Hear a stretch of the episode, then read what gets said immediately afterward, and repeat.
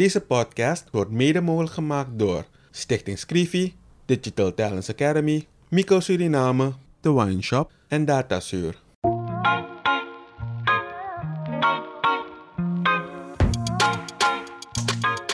In een ontspannen sfeer praten journalist Kevin Hadley en challenger Vincent Kenswell met verschillende personen over de uitdagingen en de kansen van hun werkgebied. Samen proberen ze door oplossingsmodellen te bespreken positieve ontwikkelingen op gang te brengen.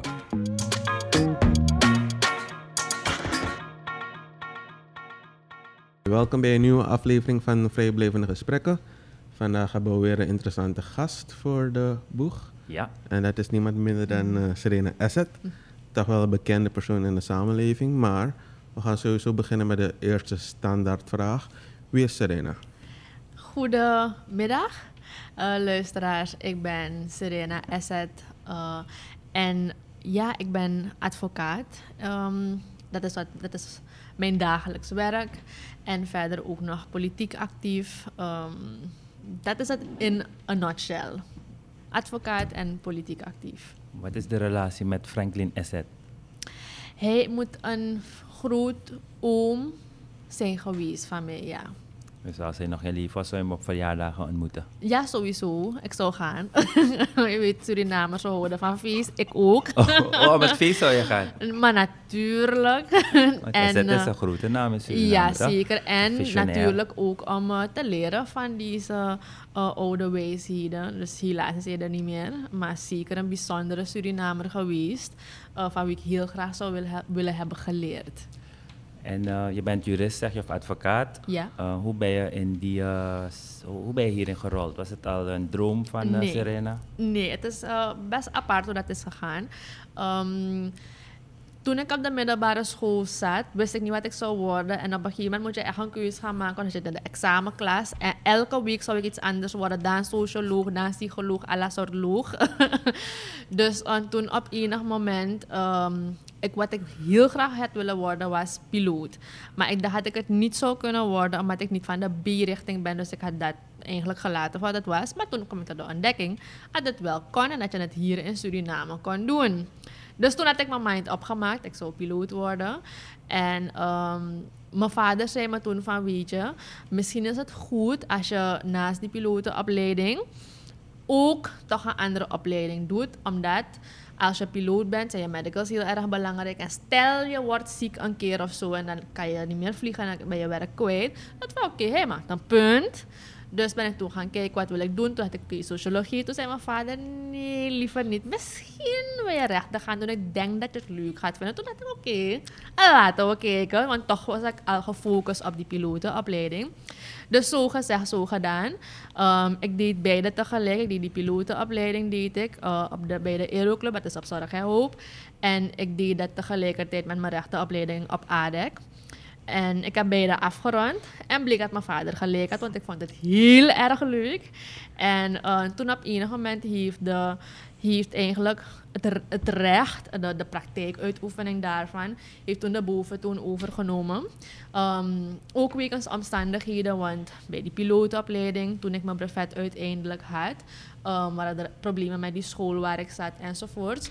Dus toen eh, heb ik besloten om me gewoon echt te concentreren op mijn rechtenopleiding. Maar al met al heb ik beide afgerond, pilootopleiding en mijn rechtenopleiding. Dus je kan nog vliegen. Ja. Wow. Ik ga wel nog weer moeten, je moet weer, weer current worden, maar dat kan.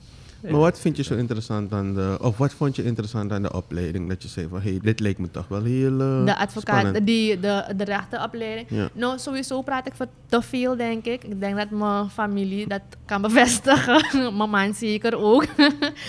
dus ehm, ik denk dat dat, dat, dat idee om, om, om te kunnen pleiten voor het werk elke dag en te betaald te worden daarvoor om te kunnen rationaliseren en de hele tijd te zitten praten en te praten. Ik dacht, no, dat leek me heel erg spannend toen eh, ik nog jong was. Dus dat, dat leek mij zo interessant daarvan. Maar ook het kunnen redeneren en zelf kunnen ehm, eh, rationaliseren. Wat is recht eigenlijk in een specifiek geval? En, Bij de, eh, bij de rechtenopleiding moet je ook veel lezen. Vond je dat ook interessant? Mijn, mijn redenering is dat voor alle opleidingen je veel moet lezen. Het maakt niet uit wat je doet. Je gaat voor alles veel moeten lezen. Dus die theorie van je moet veel lezen. Dus je moet misschien iets meer lezen dan een andere opleiding. Maar voor alle opleidingen ga je veel moeten lezen. Want die informatie gaat echt niet uit de lucht komen in je hersen. Dus dat is niet wat mij weerhouden heeft. Ik denk dat als je een vak goed wilt uitoefenen, dan maakt het niet uit of het nou de journalistiek is. Of als het nou is dat je um, economie doet, je moet jezelf current houden, je moet jezelf bijscholen. Je gaat gewoon moeten blijven lezen, wil je het goed doen. Ja, dat is wel een fundamenteel ding, want het recht is natuurlijk voor de samenleving erg belangrijk, toch? En je noemde ook, je vindt het leuk om dingen te bepleiten, te rationaliseren. Ehm, dus ik neem aan dat nu in je werk, het zijn van alles en nog wat komt op je bord liggen. En natuurlijk kunnen we vertellen, vragen van hoe is het systeem hier, maar toch even op jou, uh, wat je nu doet. Geeft dat jou genoeg energie en uh, zie je daar nog groeimogelijkheden voor jou, voor jezelf? Ja, zeker. Um, ik ben nu ongeveer tien jaar in de praktijk, um, in de advocatuur. En um, ik ben voornamelijk in het civiele recht, maar het strafrecht vind ik ook heel erg interessant en dat doe ik ook. Dus er zijn zeker nog groeimogelijkheden. Eigenlijk voor in advocatenjaren ben ik nog vrij jong. Ik heb wel veel praktijkervaring, omdat ik begon met werken toen ik nog op ADEC was. Ik was nog niet eens klaar met mijn bachelor en ik was al in die praktijk. Dus praktijkervaring in die jaren lang, maar in advocatenjaren nogal kort.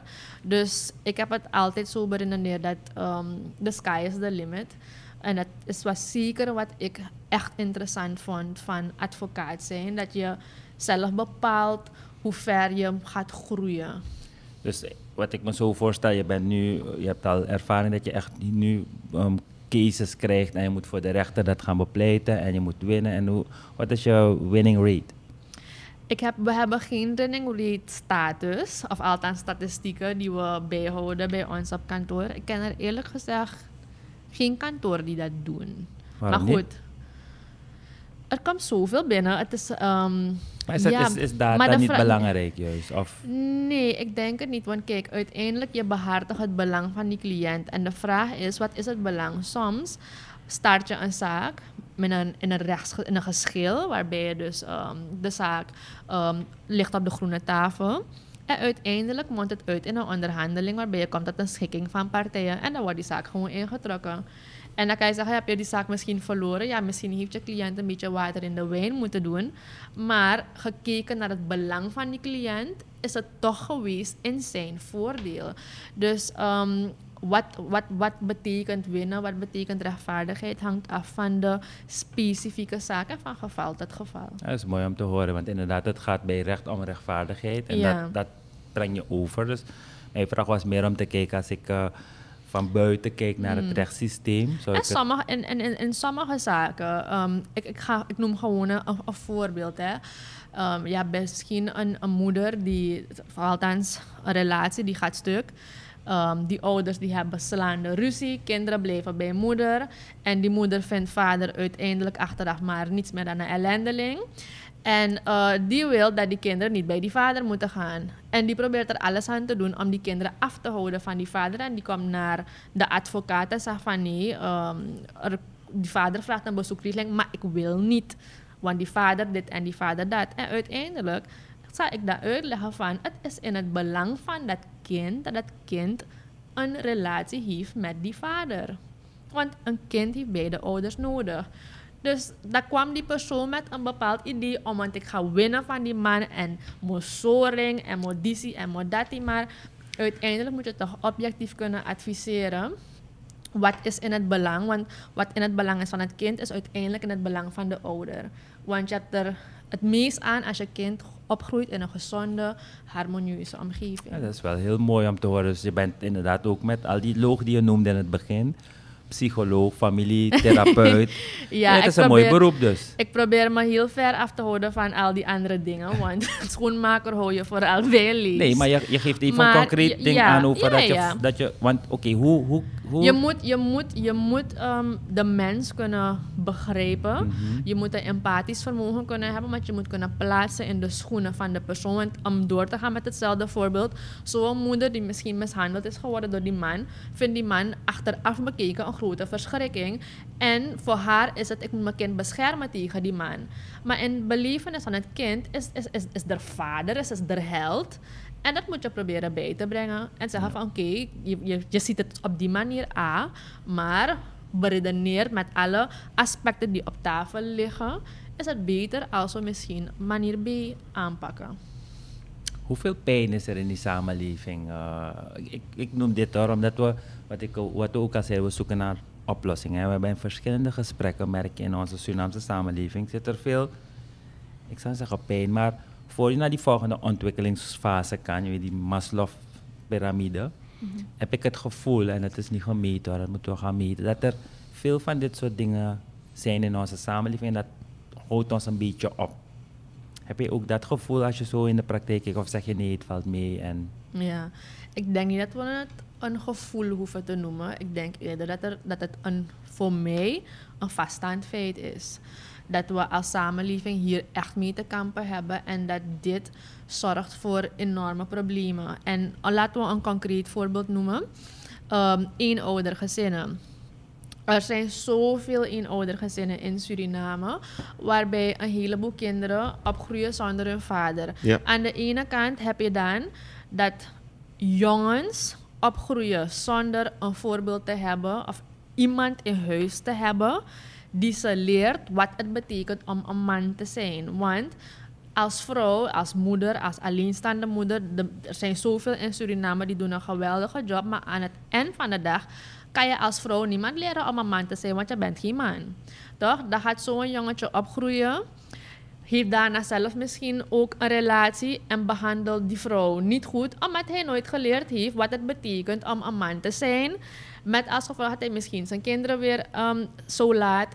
En als je kijkt in de maatschappij, is het misschien niet een manspersoon die weet wat karakter is, wat integriteit is, waardoor je allerlei opportunistische, um, gedreven mannen kan krijgen. Aan de andere kant, aan de zijde van een, een jong meisje.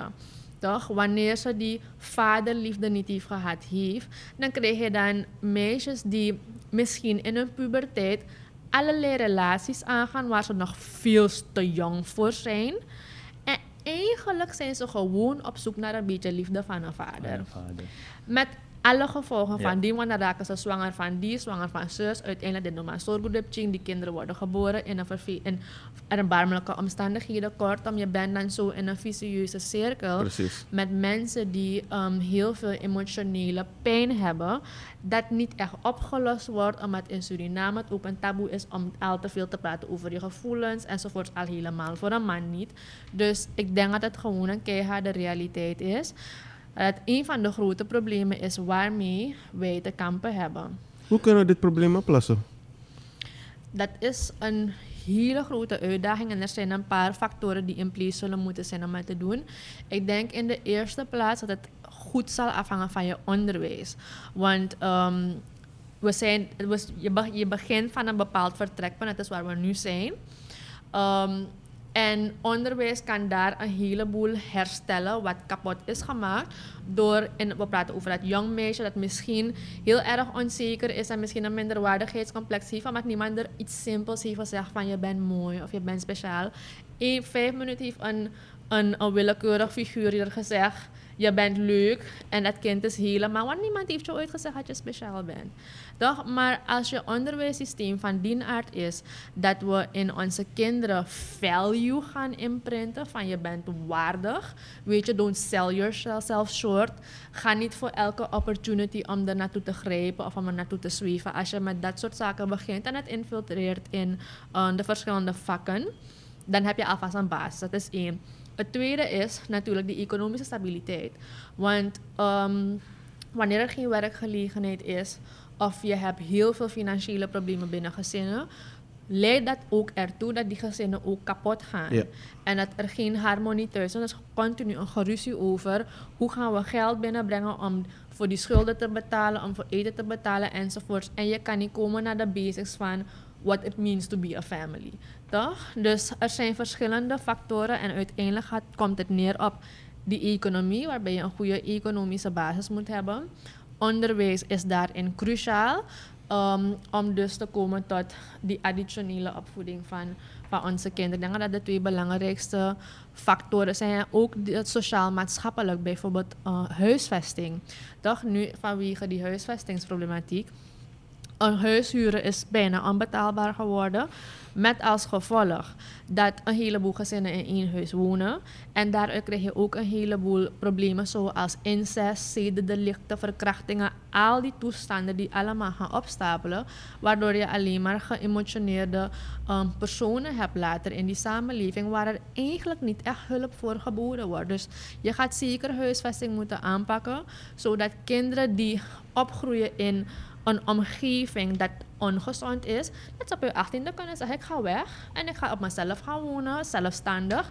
Er zijn een heleboel meisjes, um, ken gevallen van vrouwen in hun 20 die verschrikkelijk veel potentie hebben, maar alleen omdat ze afhankelijk zijn van een stukje onderdak, dat ze een heleboel troep moeten slikken van mensen. Wat ze niet hadden hoeven te doen, hadden ze de mogelijkheid om zelfstandig ergens te wonen. Hoe belangrijk is je vader voor jou geweest? Heel of erg. hoe belangrijk is je vader voor je? Heel erg. Ehm, die is, ehm, ik zei al, ik, ben, ik wilde heel graag piloot worden. Mijn vader is in de luchtvaart. Hij was station manager van de KLM. En mijn moeder die is purser van de SLM. Dus eigenlijk een beetje in een luchtvaartgezin ben ik opgegroeid. En Ja, logisch is- dat je piloot wilde worden. ja, nee, maar ik vind het ook echt. Ik ben echt obsessief met vliegtuigen. Als eentje langs vliegt, ren ik nog steeds uit mijn huis om te gaan kijken. Dus ehm, het is van, van jongs af dat je daarnaar ook opkijkt. En vandaar dat ik ook zeg, ehm, zeker met dat ik denk dat mensen onderschatten verschrikkelijk de rol van beide ouders, met name de vader in huis. Ehm, het moment dat een van de ouders ontbreekt, zij de moeder of de vader, maar met name de vader, omdat je het heel veel ziet, staat het gewoon vast dat dat geestelijke en psychische consequenties met zich meebrengt voor het kind. En dat mondt zich uit in verschillende manieren. Sommigen worden verschrikkelijk rebels, Ja. toch? Anderen eigenlijk hun, ze hebben gewoon dat stukje vaderliefde niet gehad en dat resulteert in mama grote problemen. En als je teruggaat naar de wortel, zie je vaak dat dat het is. Heel interessant, omdat ik ook in andere discussiegroepen kijk en inderdaad onderwijs hebben we geïdentificeerd als het meest belangrijke. En, dat, en, en ik denk van als je goed onderwijs hebt, kijk, voor mij nog geen 2% van onze bevolking gaat hoger op, toch? HBO en is, is eigenlijk not well educated, om het zo te zeggen. Maar wat jij zegt, en waarschijnlijk zijn er daar studies voor, Ehm, het gezins, de gezinssamenstelling is belangrijk. En natuurlijk tegenwoordig man, vrouw, die gaan snel uit elkaar, want iedereen is zo zelfstandig. Maar die man is belangrijk.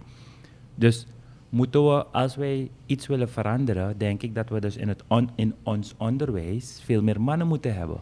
Ja, ik denk dat dat zeker ook zou helpen. Omdat dan de, de kinderen iemand hebben om naar op te kijken. Toch? Maar dan moet je teruggaan naar het hele onderwijssysteem. Want wat zijn de eisen om, om onderwijzer te worden? Toch? Nu wordt het meer gezien als iets van... Als niks is gelukt, dan ga ik maar in het Precies. onderwijs. Met als gevolg dat je personen hebt die niet gepassioneerd zijn voor dat vak. En ik kan u zeggen dat als je met kinderen bezig bent, dat ding moet je liggen. Want anders, je chiris dus liever ga je dan Niet niet... verpest de generatie. die kinderen toch? Want kijk, ik bijvoorbeeld zou nooit leerkracht moeten worden. Het is niet in Slaans belang dat ik voor iemands klas zit. Want ik heb dat geduld niet. Ze gaan me opsluiten wegens kindermishandeling, dus ik moet niet gaan. Maar sommige mensen die hebben gewoon dat hart ervoor. Heb ik kinderen? Nee, ik heb nog geen kinderen. Die van mij hopelijk is hun lot wel beschermd. maar van andere mensen, dat kan ik niet garanderen. Want ik weet, ik heb het geduld, Geduld gewoon niet, niet. ja. Dus er gaat op een andere manier gefilterd moeten worden.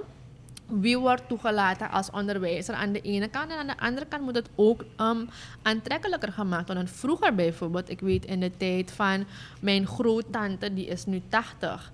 Maar toen ze jonger was, ze was leerkracht, dat waren mensen van status. Als je, als je leerkracht bent, ze verdiende goed. En, ehm, het, het was een eervolle en een waardig om leerkracht te zijn. Het praat nu over jaren geleden, maar dat is al lang niet meer het geval. Nee.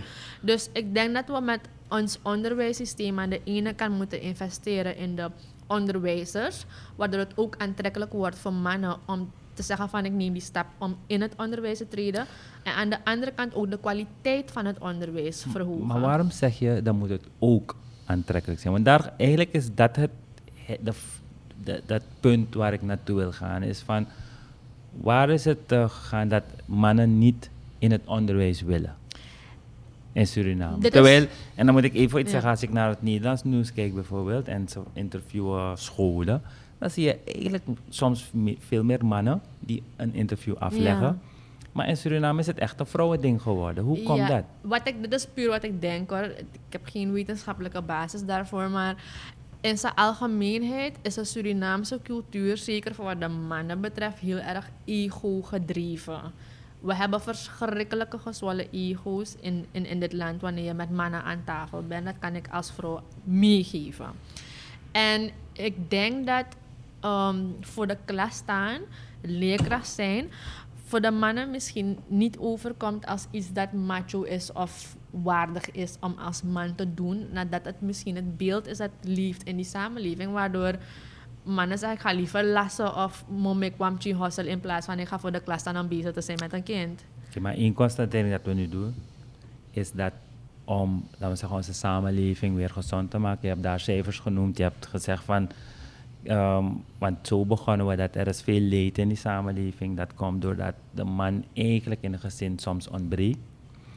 Dus om dat te fixen moeten wij ervoor zorgen als samenleving dat we meer mannen als rolmodels desnoods in het onderwijsgedeelte krijgen, toch? En, ehm, want dat gaat ons helpen op termijn. Absoluut. Dus ik denk dat een van de oplossingen, ook van de jongeren die luisteren of de ouders die luisteren, en misschien anderen, laten we daarop ook inzetten. Weet je, dat we eh, onderwijs voor mannen aantrekkelijker maken. Want wat jij zegt, dat kan toch een stukje opvang zijn. Want je noemde dus net iets moois en ik heb het ook al een keer gehoord hoor. Dat ja, meisjes die zijn eerder rijp, of tenminste zijn eerder tiener eh, dan jongens, toch? Dus als dat meisje nooit heeft gehoord hoe bijzonder en hoe mooi en dit is van de vader en die vaderliefde krijgt, gaat, gaat Ja, het verkeerd. Ja, het meisje valt als een baksteen voor een, een figuur die zegt van, eh, je bent mooi. Ja. Die, die, die, En je kan het meisje niet kwalijk nemen, want Want- dat is gewoon... in haar belevenis mee God. Ja. Dus, dus, maar dan heb je dan zo'n tiener die nog lang niet rijp, Rijp is is, voor helemaal niks van een relatie. Laat staan iets van, van, van een andere En nog een heel leven voor de boeg En heeft. nog een heel leven voor de boeg heeft. En dan raken ze verwikkeld in allerlei drama, sensatie dingen die bepalend zijn voor hun toekomst. afgelopen jaren hebben we gezien hoeveel leed dat teweeg heeft Ja, gebracht. toch? huiselijk geweld Ja. enzovoort. Ehm, veel koppels, veel gezinnen zijn uit elkaar gegaan, man, vrouw. Ehm, heb je toch wel het gevoel dat veel ehm, mannen hun verantwoordelijkheid nemen als ze toch, ehm, eh, als die relatie kapot gaat, dat ze toch zeggen van hé, hey, ik wil toch in het eh, leven van het kind zijn, aanwezig zijn, ik wil toch bezig zijn met het kind? Of zijn ze ook eigenlijk een beetje klaar met dat kind? Want dat, dat, ik, ik, ik heb juist het gevoel dat, er, dat mannen hun verantwoordelijkheid niet nakomen. Ik denk dat, dat, dat de medaille snijdt aan twee kanten. Toch? En het zou niet eerlijk zijn om de mannen de schuld te geven dat zij nemen hun verantwoordelijkheden niet. Want ehm, zaken hangen af van geval tot geval. Ja. Toch? En ik ken gevallen waarbij mannen gaan naar de rechter om te vragen om een omgangsregeling, om hun kinderen te zien.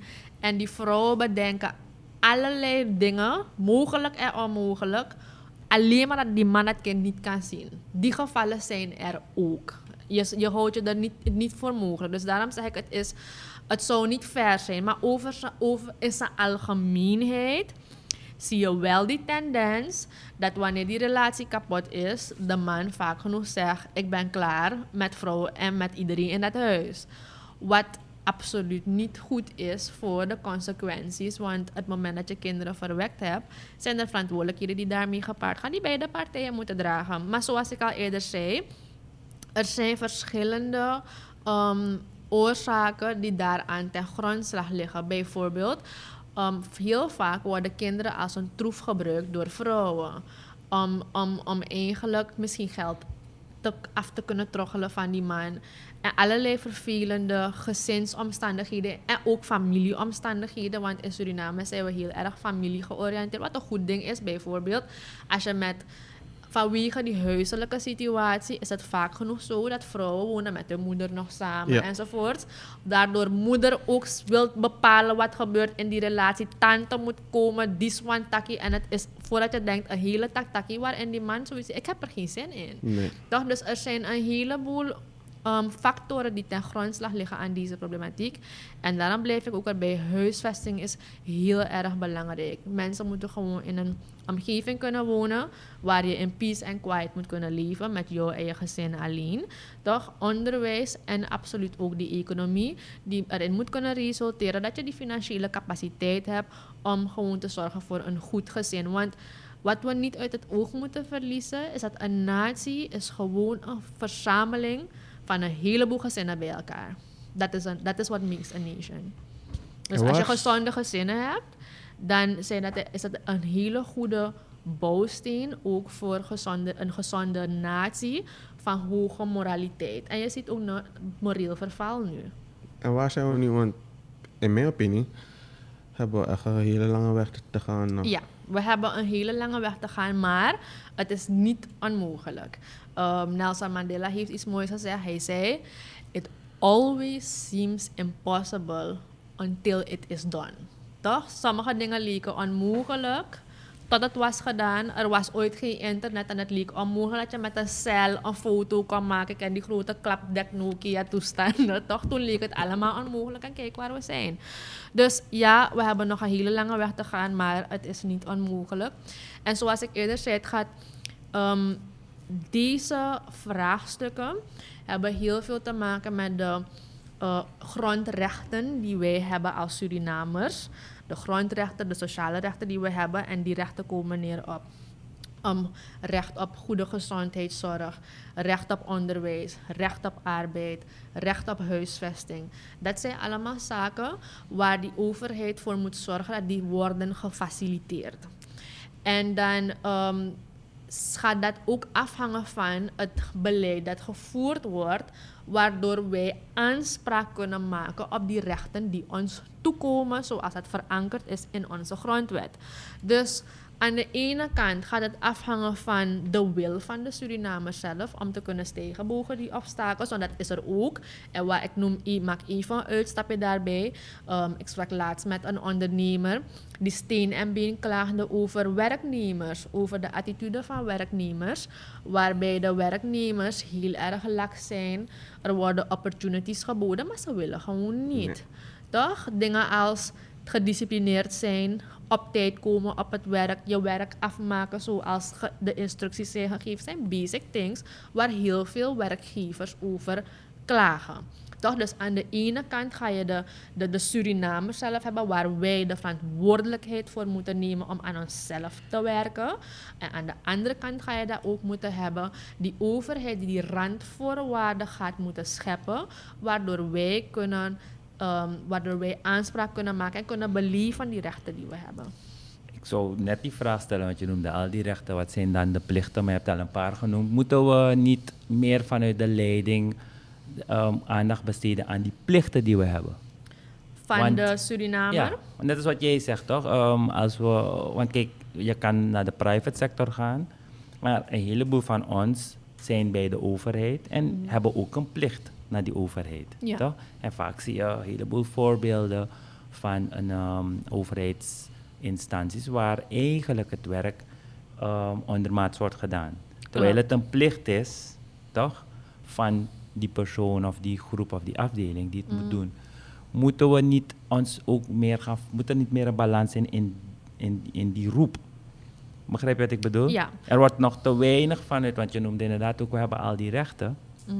Maar het omgekeerde, wat is daar tegenover? Wat staat daar tegenover? Recht op gezondheid, prima. Maar wat is dan onze plicht? Dat we gezond blijven. Ja. Ik denk dat wat heel erg belangrijk is, is een van de zaken waar wij aan gaan moeten werken, is discipline. Ehm, en dan kan je dat breed nemen over de linie beginnende thuis, toch? En dan gaan we weer naar die vader. Want wat vaak die vader die ervoor zorgt dat iedereen in het huis gedisciplineerd is. Maar wanneer die vader ontbreekt, dan, ja, die, als je niet doet, slaat je moeder je wel een baks. Maar het is toch anders wanneer je dat stukje discipline meekrijgt van huis. En Ja. dat gebeurt er wanneer dat ontbreekt, heb je vaak vooral jongens die heel erg rebels en opstandig worden. En dan trek je die lijn dan terug naar die maatschappij. Dan ga je in een overheid Waar het eigenlijk gewoon is een names en faces en een ongedisciplineerde structuur vanwege partij en vriendjespolitiek. Want als je werk niet hebt gedaan, als je niet doet wat je had moeten doen, dan behoort daar er op een sanctie te volgen. Ja toch? Je hebt, je hebt je werk niet afgemaakt, je hebt een poespas ervan gemaakt, dan word je geschorst, er, er gebeurt iets. Maar nu, omdat het ambtenarenapparaat A zo log is, B, het is een hele friends en family toestand, dan moet je rekening houden met die en familie en die van die van de minister en een kennis en een vrouw van die. Waardoor er ook niet wordt opgetreden, corruptie wordt ehm, eigenlijk ehm, toegestaan, het wordt getolereerd. Want als je mond openmaakt, kan je biezen pakken en wegwezen, toch? Dan heb je dat, dat wordt afgestraft. En dat zijn allemaal factoren die maken dat er een werkomgeving is, als we praten over de plichten, dat die plichten niet afgedwongen worden. Dus willen we komen op dat punt dat het wel gebeurt, zou je moeten komen op goed bestuur. Good governance, wat geïmplementeerd moet worden en uitgevoerd moet worden. Hoe? Dat, niet, dat, het, dat corruptie niet getolereerd wordt. Een cultuur waarbij wanneer je als werknemer, als ambtenaar zaken aankaart die mislopen, dat, daar, dat dat serieus genomen wordt. Want hier er zijn vaak een heleboel dingen in de werksfeer die verkeerd gaan. En de werknemers, de ambtenaren hebben ideeën, maar het wordt gelapt aan mensen helaas. Want de top of staff kan toch niets doen, want die is afhankelijk van een andere. En helemaal aan top zit misschien iemand die geen kaas heeft vergeten van wat er daar moet gebeuren. Dus kortom, wat, moet er dus, wat, wat moeten we hiermee allemaal? Je gaat moeten komen op de plaats waar je aan top goed leiderschap hebt, the right person on the right place. En dat gaat implementeren, goed bestuur, good governance. En daaronder verstaan wij dus transparant werken, een werkomgeving waarbij er concrete taakomschrijvingen zijn die uitgevoerd moeten worden. Bij het ontbreken daarvan sancties zijn die geïmplementeerd moeten worden. Gewoon simpelweg een gezonde werkomgeving. Als je dat zo noemt, dan hebben we, je zei ook al, we hebben een lange weg, maar het is bijna, ehm, gaan we het zelf kunnen doen, denk je? Of moeten we net als Nacho diaspora spelers hebben? Ik, kijk, het zal afhangen van sector tot sector. Maar in zijn algemeenheid, ehm, als je ver wilt gaan, ga samen.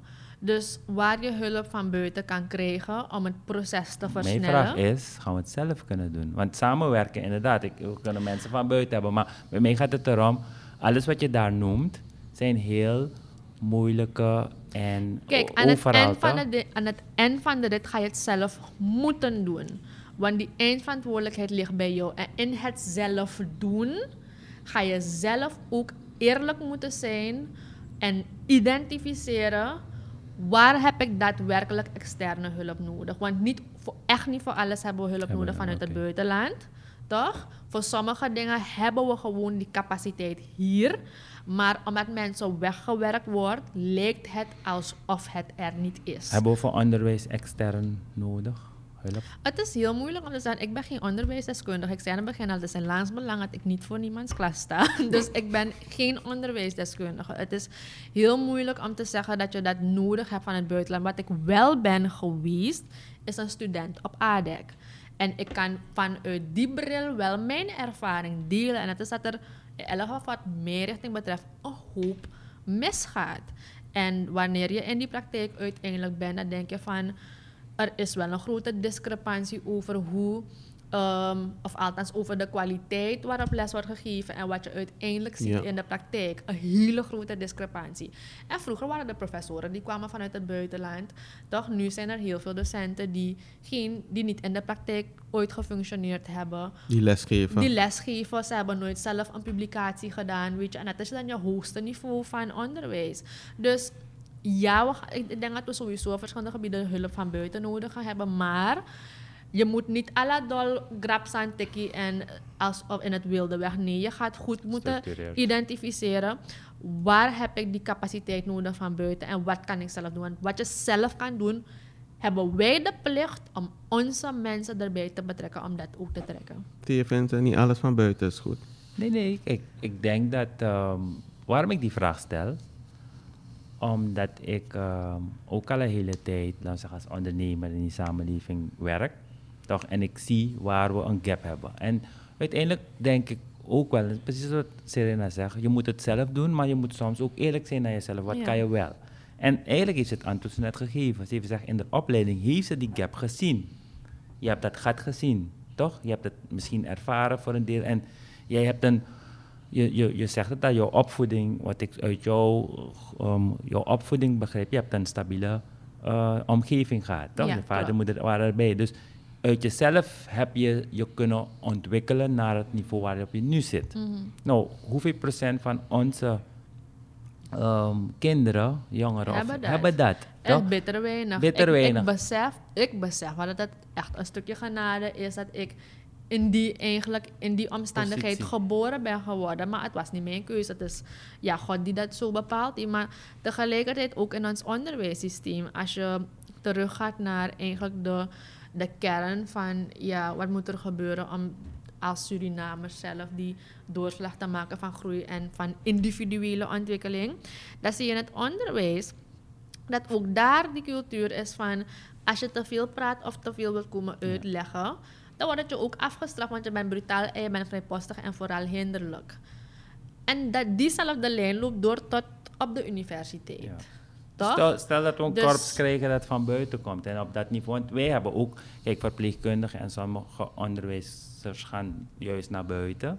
Maar dat wij eigenlijk nu die hulp ook nodig hebben, toch? Zeker voor onze hogere opleidingen. Als ik kijk naar HBO, wetenschappelijk, dus universiteit, Ja. is er een- inderdaad een groot Laat gat. Mama me haast om te zeggen, de goede niet te nagesproken. Want we moeten niet doen alsof Nee, alles slecht is. ja. Maar er is wel een, in elk geval in mijn richting, want ik kan niet over die andere richtingen praten. Maar de feedback die ik van medestudenten heb gehoord, denk ik dat dat algemeen geldt voor eh, hoger Ja. onderwijs eh, in Suriname. En ik denk dat het goed zou zijn als wij ehm, exchange programs of uitwisselingsprogramma's zouden hebben. En ook op dat gebied ehm, eh, die externe hulp zouden hebben. Want de cultuur, het is ook een, een cultuurshift die we moeten maken. Want wat ik zei, wanneer je als kind, student in de klas zit en je wilt iets zeggen. En, het is, en je vrouw vindt het niet prettig en ze voelt zich op de tenen getrapt, dan heb je een probleem in de klas. Ja. Ja, je En zo wordt je mond doodgemaakt. En dat gaat, die cultuur gaat door tot op de werkvloer. Ja. Want als je een idee hebt, als je manager of je chef iets doet en als de boom en je wilt een voorstel doet hoe het beet, zijn mensen op hun tenen getrapt, hun ego zich, voelen zich vervelend en je wordt weggewerkt, toch? Het, er wordt rancuneus opgetreden, iets Ja. vanaf. Eigenlijk, we zien het als onschuldig, maar het begint al op school. Dus alleen ook om een, te kunnen bijdragen in die, die, die culturele shift die moet plaatsvinden, dat we het met open armen moeten ontvangen en, en mensen, kinderen, studenten de gelegenheid geven, een environment creëren waarbij ze hun mening kunnen uiten, kunnen zeggen wat ze willen en om er, eruit te halen oplossingsvoorstellen. Nee, is mooi. Ik denk dat ehm, ook naar onze jongeren weer die luisteren. ehm als een rolmodel hier voor ons, Serena. Ja, ehm, bij elk gesprek verwijzen we naar degene die met ons zit. En eh, wat er gezegd wordt is van het moet natuurlijk een totaalplaatje zijn. Maar kom je uit een situatie waarbij je die hulp niet hebt gehad, maar het is daar buiten, weet wel dat jij het gaat moeten oplossen als persoon. En dat je je plicht moet doen en je plicht nu als student is dat je gaat studeren. Je Klopt. educaten, het is er.